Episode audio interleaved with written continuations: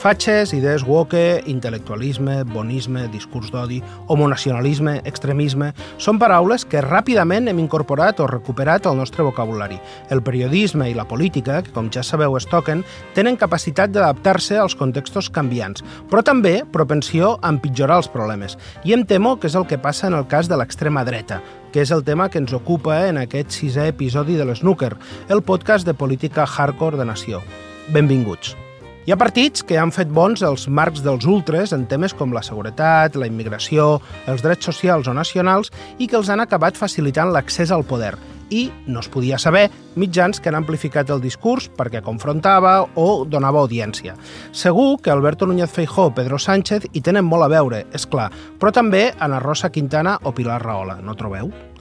A Nació optem per no amplificar els discursos de l'extrema dreta. Parlem dels fets, però no de les seves idees, que quan expliquem és per contrastar-les amb dades. És una posició coherent amb la nostra línia editorial, però més difícil de mantenir a mesura que la seva incidència creix. Tampoc ens hem d'enganyar. Si volem parlar al lector com si fos adult, que és el cas, no podem esborrar 11 diputats al Parlament o 52 al Congrés, per ara.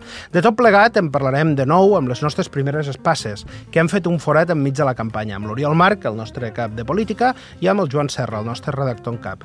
Ens acompanyarà també l'Alba Sidera, periodista, corresponsal a Itàlia, especialitzada en l'extrema dreta i que ha escrit el llibre Feixisme persistent, que ara es publica actualitzat en castellà. I a Ramon Espadaler, que ara és diputat del PSC Units per Avançar, que va conviure com a regidor a Vic amb l'extrema dreta i que va ser conseller d'Interior amb el govern d'Artur Mas quan era dirigent d'Unió Democràtica. Comencem, doncs.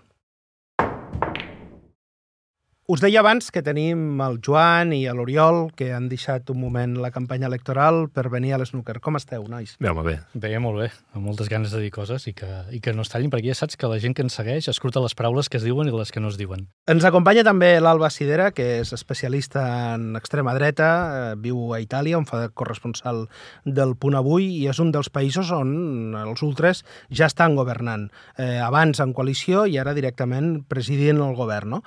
Explica'ns una mica, Alba, basat en la teva experiència a Itàlia, com veus la campanya a Espanya i com seria aquest govern PP-Vox que sembla que s'està prefigurant a Espanya eh, tenint en compte com està governant eh, Giorgia Meloni?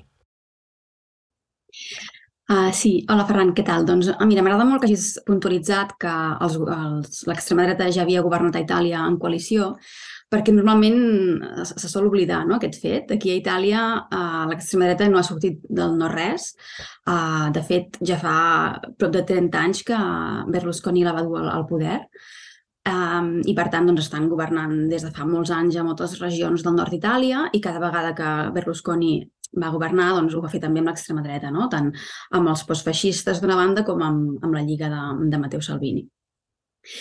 I bé, la campanya que estic veient doncs, des d'Itàlia eh, em sembla una campanya una mica hipòcrita, o sigui, em sembla que basar la campanya en intentar parar l'extrema dreta no? En intentar parar el feixisme de Vox doncs té poca credibilitat mm, quan se l'ha legitimat, no? o sigui, des, de, des del PSOE, no? perquè clar, eh, a mi em fa molta gràcia quan, quan es diu que que el, el procés va despertar Vox, no? Jo crec que el que va fer el procés va ser legitimar Vox, no? O sigui, es va fer servir per legitimar Vox.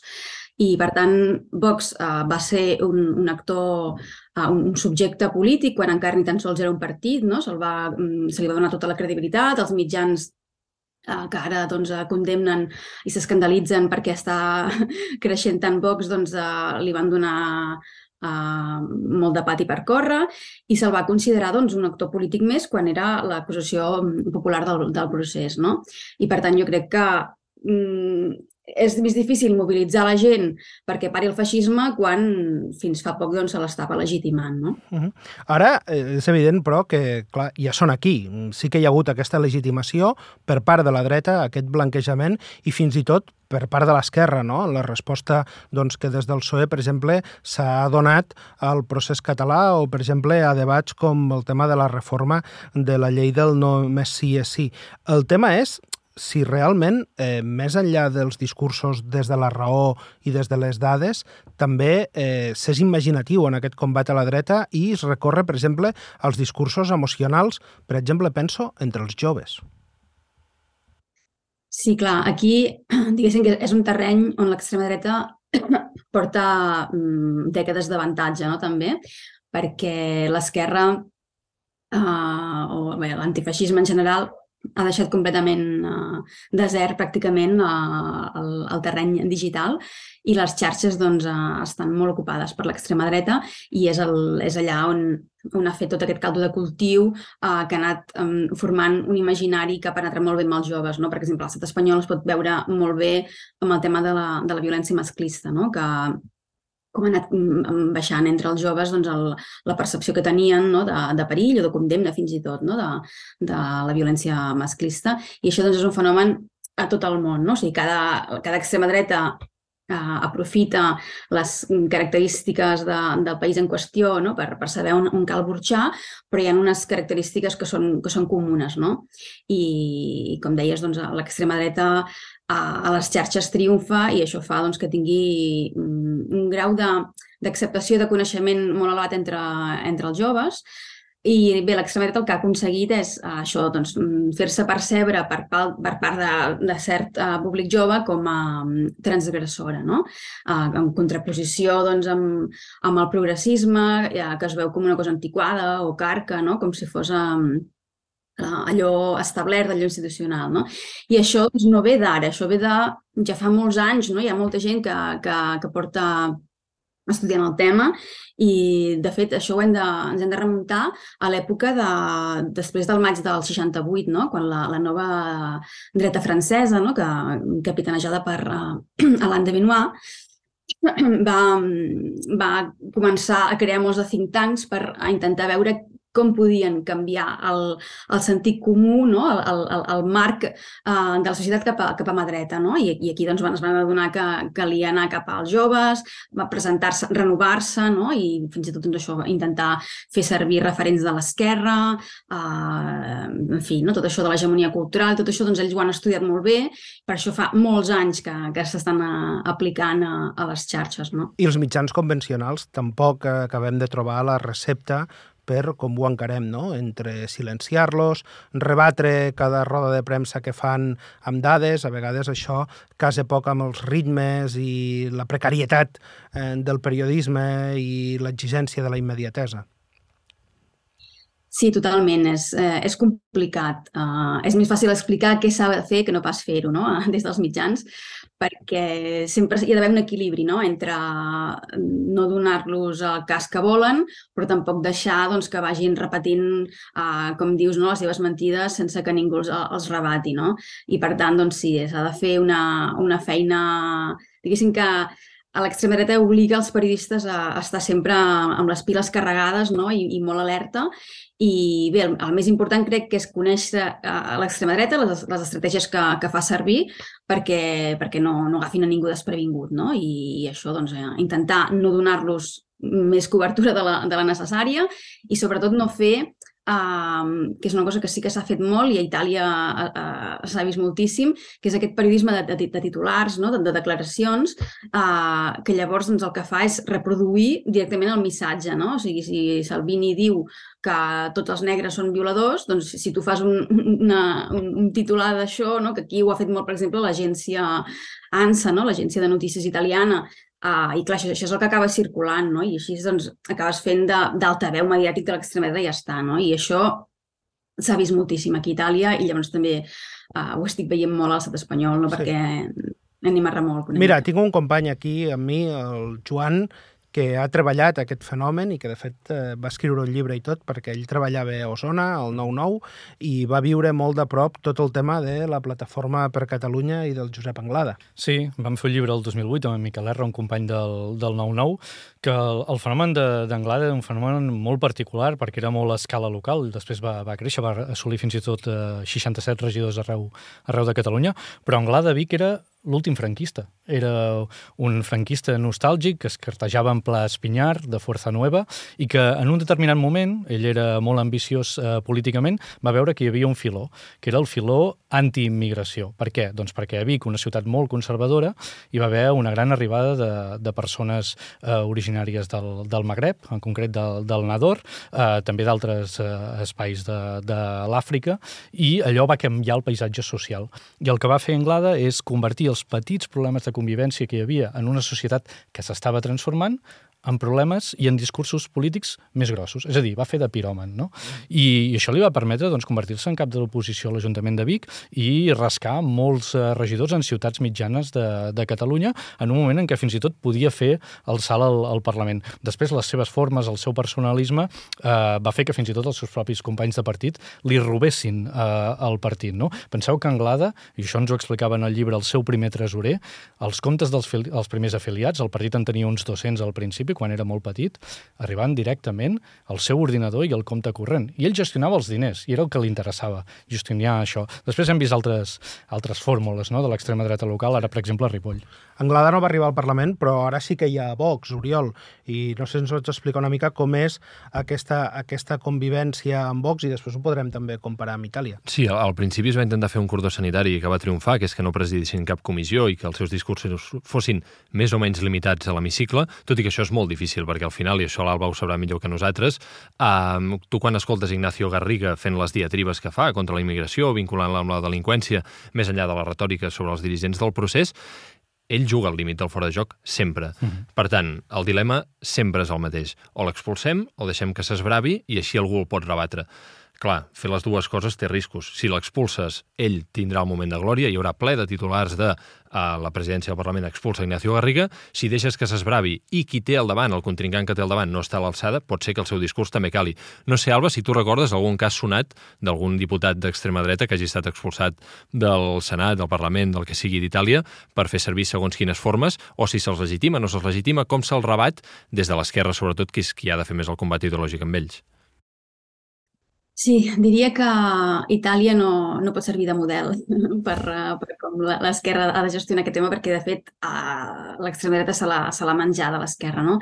Aquí està completament legitimat. Uh, fins i tot, uh, per exemple, el, el president del Senat, no? Ignacio La Russa, que és el segon de Meloni, uh, que és, uh, és, és un feixista declarat, no? o sigui, és una persona que, que no, que no s'amaga de, de, de la seva ideologia i que fins i tot doncs, a, a la televisió pública doncs, uh, fa poc va ensenyar no, allò que fan, que van a casa dels polítics no, i mostren una mica les coses de les que estan més orgullosos, doncs ell va mostrar una col·lecció de bustos de Mussolini i de, i de King i de coses de, de la guerra i, de, i fins i tot hi havia coses de les SS nazis. No? Vull dir, aquí està molt normalitzat.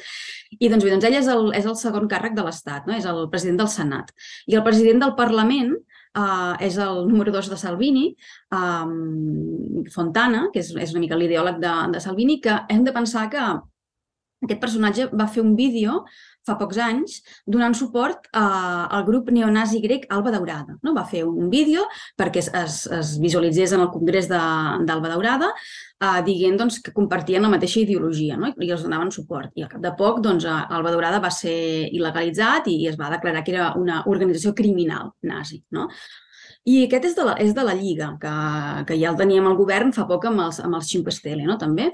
Doncs bé, doncs, uh, per tant, mm, si aquesta gent són, el, el, les, són les institucions i són els càrrecs públics més importants, doncs um, vol dir que ja la legitimació, el procés de legitimització s'ha completat. No? I aquí hem vist doncs, fins i tot uh, Ignacio La Russa, no? el, el president del Senat que, que us deia, el 2017 s'estava discutint eh, al Parlament a veure si es feia una, hi havia una proposta de llei per, eh, per condemnar l'apologia, la, o sigui, per la, la propaganda del feixisme i el nazisme, i ell era contrari, evidentment, i per protestar, eh, mentre estava fent el discurs, va començar a fer la salutació nazifeixista al Parlament, no? I no, i no va passar res. Vull dir que això no estem parlant de fa eh, 20 anys, o no, no, estem parlant del 2017, no? Per tant, tot és molt recent i és una cosa doncs, progressiva.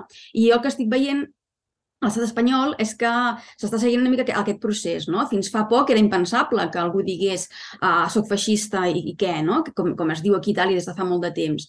Uh, I aquí doncs, ara hem vist no, fins i tot uh, l'alcalde de Madrid no, uh, que va dir um, sí, doncs, uh, serem feixistes però sabem governar, no? o l'Ayuso que va dir um, si ens diuen feixistes és que estem al, al costat bo de la història. No? Doncs tota, tota aquesta apropiació de, de, de la paraula feixista en contraposició amb la de, amb la de progre, no? fatxa i progre, doncs això és una cosa que a Itàlia doncs, està molt normalitzada i, i que això també doncs, fa indicar doncs, com l'imaginari es va movent cap a mà dreta no? i sí. es van acceptant cada vegada coses que semblaven inacceptables. No? Sí, sí, crec que és interessant mirar cap al futur que malauradament eh, podem tenir per gestionar aquest present.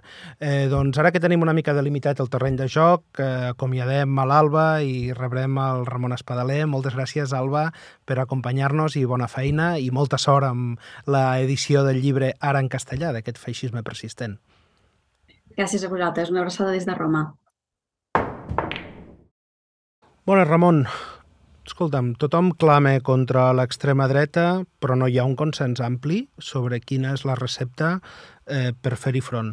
N'hi ha prou amb la cohesió social als barris? Com ho hem de fer? La cohesió social als barris és important. El clam com contra l'extrema dreta jo crec que és més que justificat i crec que no hi ha fórmules màgiques. Però dintre d'aquesta no existència de fórmules màgiques jo crec que s'ha de defugir de tots els extrems. Per descomptat, el de l'extrema dreta, però tampoc caure en extrems eh, bonistes que jo crec que no fan altra cosa moltes vegades que facilitar i alimentar el discurs de l'extrema dreta. Eh? Uh -huh. A Catalunya tenim un 20% de població nouvinguda i no para de créixer, però per sort encara no tenim els problemes que tenen a França o altres països. És perquè ho fem millor? És perquè encara no són segones i terceres generacions? Quina anàlisi en fas tu? Jo crec, i això no és xovinisme, crec que ho fem una mica millor. Mm, jo crec que hi ha experiències d'integració a escoles i d'inversió en determinats barris, des del pla de barris fins al model que s'anomenava Vic d'educació, que, que s'ha exportat o que, que han fet seu o treballant a partir de les seves realitats en altres entorns, que expliquen en part que no siguem aquí, però això no vol dir que puguem tirar la tovallola ni relaxar-nos. Jo crec que, que el repte és molt important. La nostra extrema dreta és molt islamòfoba uh mhm. -huh. i, de fet, una de les coses de les que parlen sovint és d'aquest centenar d'oratoris salafistes uh -huh. que mhm. hi ha a casa nostra. Uh mhm. -huh. Tu vas ser conseller de l'Interior, sí. aquest és un dels temes que més han treballat els Mossos. És un dels temes que els Mossos han treballat i treballen i és un dels temes que, que certament és un element de preocupació aquí, però jo sí que voldria mm, trencar una llança en favor de la feina que fan els Mossos en, en aquest sentit. Eh, jo crec que hi ha un control suficient, no, no és perfecte, eh, però en qualsevol cas els Mossos estan a sobre d'aquestes realitats.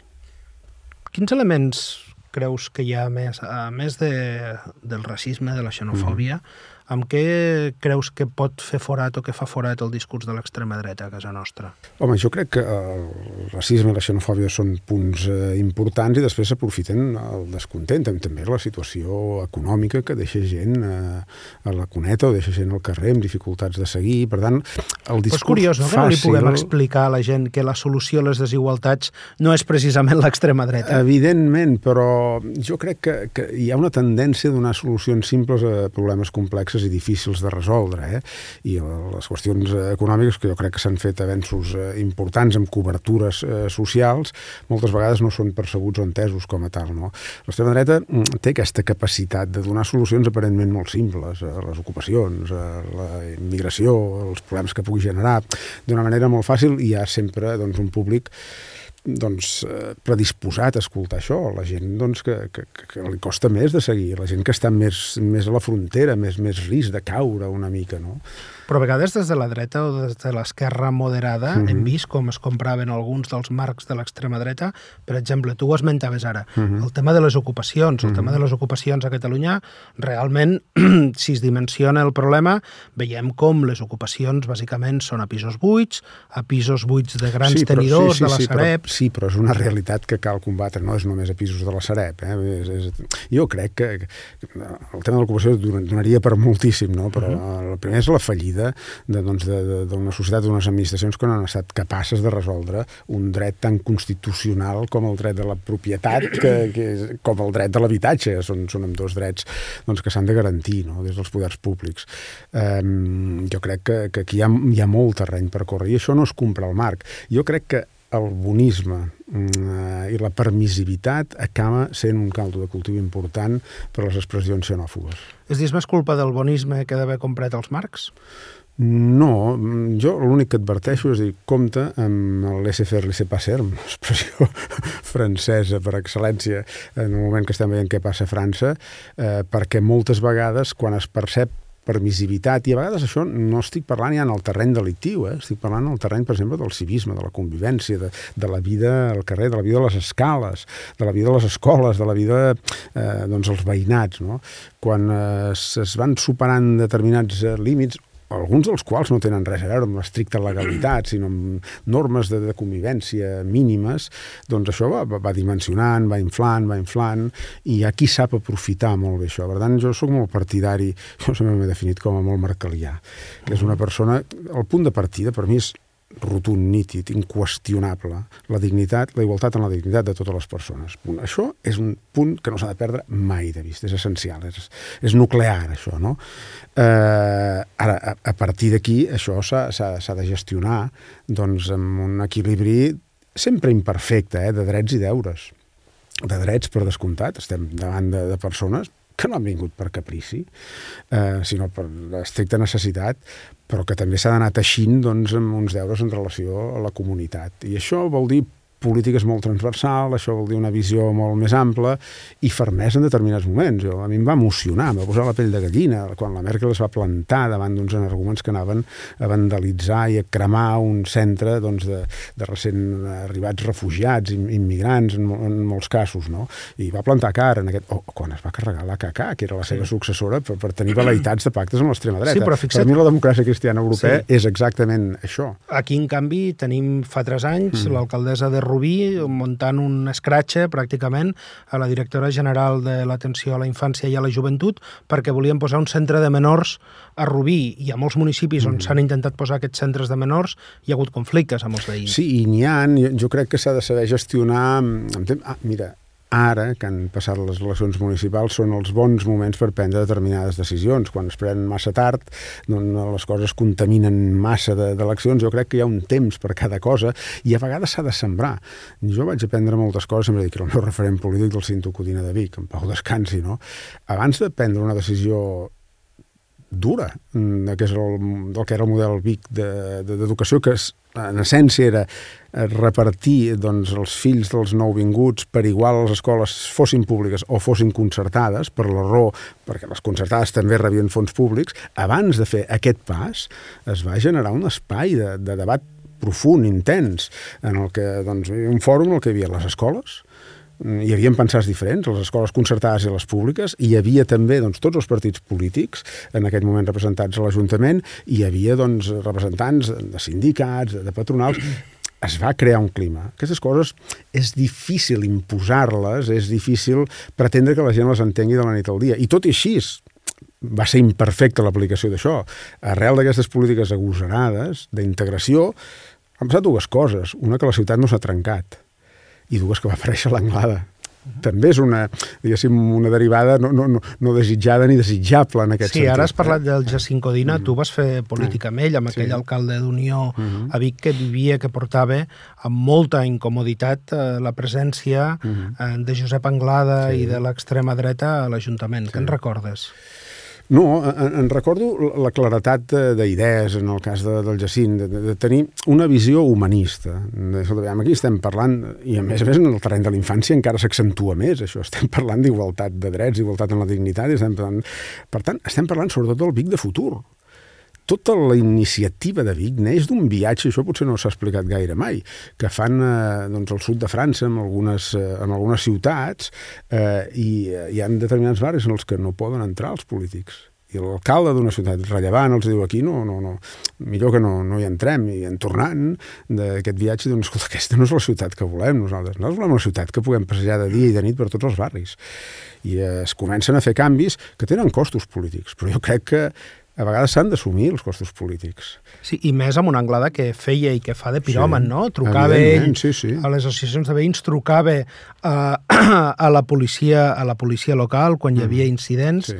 El que passa que, com que mai va gestionar, mai sabrem si Sí. hauria estat eficaç, no? No, normalment la, la, la dreta extrema, l'extrema dreta, normalment quan ha, quan ha gestionat mm, tampoc ha aclarit res, eh? Al contrari, que a vegades els problemes doncs, s'han fet, s'han fet més grans i, i tenim experiències europees en aquest sentit. Eh? Per tant, jo aquí sí que seria molt, molt, molt taxatiu, molt, molt radical. El fet de que no hagués eh, governat per mi mm, no li dona el, el benefici del dubte, per entendre'ns. No? Jo, jo crec que s'han de concertar aquestes polítiques d'ampli espectre, que hi ha d'haver uns pactes amplis, que hi ha d'haver maduresa en aquest sentit, que hi ha d'haver el coratge per deixar-hi algun vot pel camí.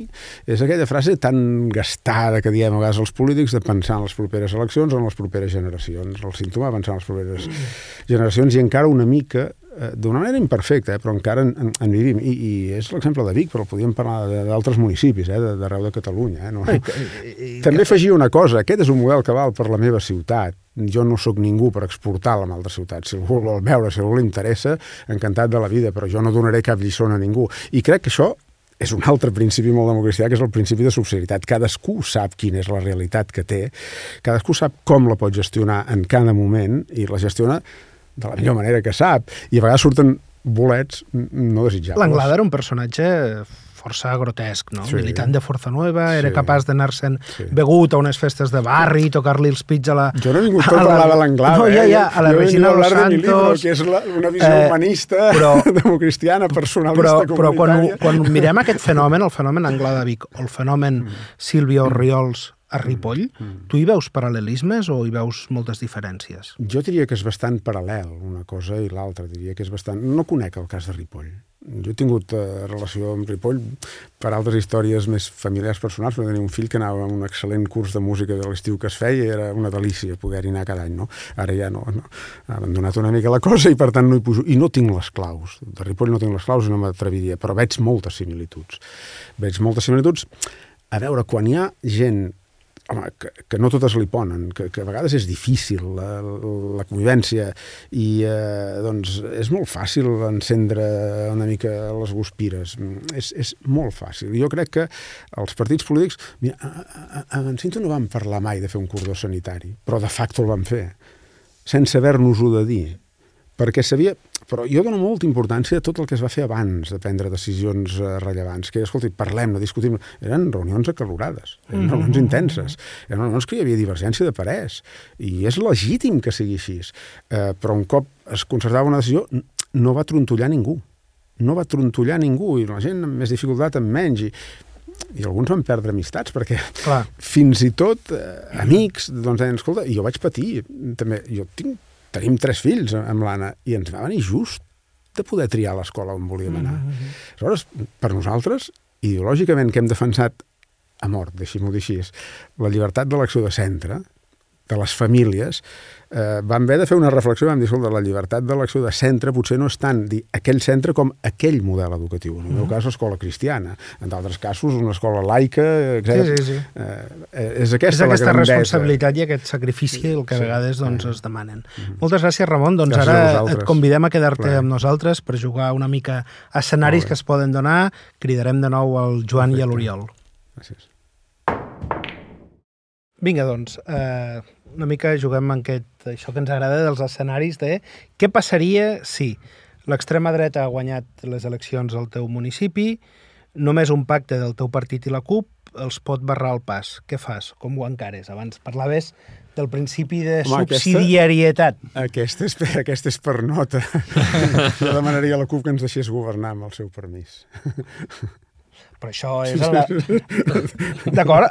O sigui, en la línia de cordó sanitari sí, però des de la coherència, perquè una mica el que hem Ah, vist és que això, és quan això. menys ha funcionat, és quan són pactes entre partits molt diferents, que acaben fent a vegades coses incoherents, no agradant als seus electorats, i després això acaba beneficiant a qui s'ha volgut deixar fora. Cas Badalona, per exemple. Sí, sí, jo crec que aquestes municipals han, han allisonat també respecte a aquesta qüestió. Per això dic que jo crec que en aquest escenari el més raonable i, i apel·laria a la responsabilitat de la CUP també. Eh? Escolta, permet un govern en, doncs, en, en solitari. I em sembla que seria una sortida responsable que potser evitaria generar doncs, aquests anticossos que surten eh, Sí, de fet, això és el que, per exemple, han demanat els tres partits d'esquerres a Ripoll, a Junts. Sí. Jo estava pensant sí. en l'escenari de, de Ripoll, que, que no sé com el, el va viure en Ramon, com va veure la decisió de Junts. Just abans, en, en, a mi m'ha sorprès, a mi m'ha sorprès la decisió de Junts. Eh, abans em parlàvem, jo no tinc les claus de Ripoll, sí. potser les de Vic perquè hi mhm. visc i ho conec més, i Ripoll ara estic més desconnectat i no, no, no ho conec tant, però a mi m'ha sorprès que no hi hagués una alineació en, en aquest sentit. Ah. Mm. Escolta'm, volen obrir un oratori musulmà al teu poble hi ha veïns eh, que es queixen eh, i la comunitat musulmana fa notar que al mig del poble, a l'església, hi ha una església a la plaça Major. Què hi ha de dir l'alcalde? Com es gestiona això? Bueno, depèn de qui sigui l'alcalde, de com pensi l'alcalde. Per mi, el, el vector religiós és un vector important, forma part de, no, per això pregunto, de l'expressió. Sí, vist, ahir hi havia un article molt interessant a l'avantguàrdia sobre la religió en, en la cosa pública, i això donaria també per, per molt.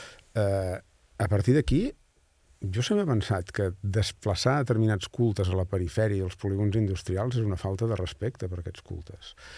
Eh, ara, posar-los a qualsevol lloc i de qualsevol manera. Jo he viscut, per exemple, el cas de Mollet, amb, amb l'alcalde anterior de Mollet, no l'alcaldessa, sinó de tots els, els pols que, que va tenir. Jo crec que l'urbanisme ha de preveure aquestes situacions en societats eh, plurals i s'han de gestionar però preparar-les. No pot ser que els veïns de cop i volta s'assabentin doncs, que hi ha un oratori, però tampoc pot ser que els poders públics prohibeixin expressament una pràctica religiosa quan aquesta s'adequa doncs, a la normalitat. Si una cosa és salafista, per mi la, la resposta és policial, punt. Bueno. No, no hi ha més. Clar, amb això, jo que sóc de Premià de Mar, a finals dels 90, principis del 2000, hi va haver molt debat on s'ha d'instal·lar una mesquita, i a rebut d'això també va créixer una opció municipalista independent que va créixer sobretot a, precisament a rebut, valgui la redundància, ho dic una altra vegada, de no, no volem la mesquita o no la volem aquí. Que moltes vegades es mescla el no volem la mesquita amb no la volem aquí. Que a vegades l'argument és no, és que aquí no poden venir, Va, quan mica... en el fons el que es pensa és no, no, el que no volem és una mesquita. És una mica el que, que passa amb els equipaments ambientals, eh? No, no estem a favor dels pares i però aquí no. Bueno, els jugadors sí, però aquí no. A la dia de Roses no, que fan lleig, no? Sí, exacte, a l'Empordà no, no? O fins i tot amb els tanatoris, no? Ara, per exemple, eh, també, aquests dies s'inaugura Sants sí, un tanatori sí, sí, i, i els veïns es queixen de que no Hi havia hagut protesta veïnal, sí. sí. I ja l'últim. Ets el president del Parlament? Això podria passar. No, això és una meva conciutadana. I diputat, diputat del Parlament. Encara en queixeries i tot. I l'Ignacio Garriga, el portaveu de Vox, vincula immigració i delinqüència un altre cop, què fas? Què, doncs el que han fet els presidents eh, des de que hi ha Vox al les presidentes des de que hi ha Vox al Parlament és eh, parar els peus. Jo vaig viure des de Vic, jo visc el casc antic de Vic, i uh -huh. vaig mhm. veure la manifestació de Vox que passaven per darrere casa i els sentia i parlaven de l'estercolero cultural. A mi va fer molt mal, em va fer molt mal, és la meva ciutat. -huh. I em va semblar aquesta manera tan extremament despectiva de parlar de, de, de persones estava absolutament fora de lloc. Per tant, faria el que han fet les presidentes, les dues, eh? tant la predecessora com l'Anna R, quan s'ha trobat amb això, doncs jo crec que és l'actuació correcta. S'ha de ser seriós amb aquests temes. Ei, i això no vol dir condescendent, eh? Cuidado, eh? A l'altre costat hi ha d'haver eh, regles clares de civisme i fer-les complir amb fermesa. Ja no diguem de legalitat, eh? Uh mhm. -huh però, però amb fermesa, eh? I hi han drets i hi han deures, i s'han d'accentuar molt els deures, també, eh? No, no, no, no hi pot haver barra lliure, perquè jo crec que qualsevol decantació cap a un dels dos eh, extrems, el que genera són posicions extremes al capdavall. L'equilibri, l'equilibri de la democràcia cristiana. tornant als orígens. cristiana, tornant als orígens. Molt bé, doncs moltes gràcies, Ramon, moltes gràcies, Joan, Oriol. Un plaer. Ens trobem després de vacances eh, al setembre i pel bé de tots esperem que no sigui amb l'extrema dreta al govern espanyol.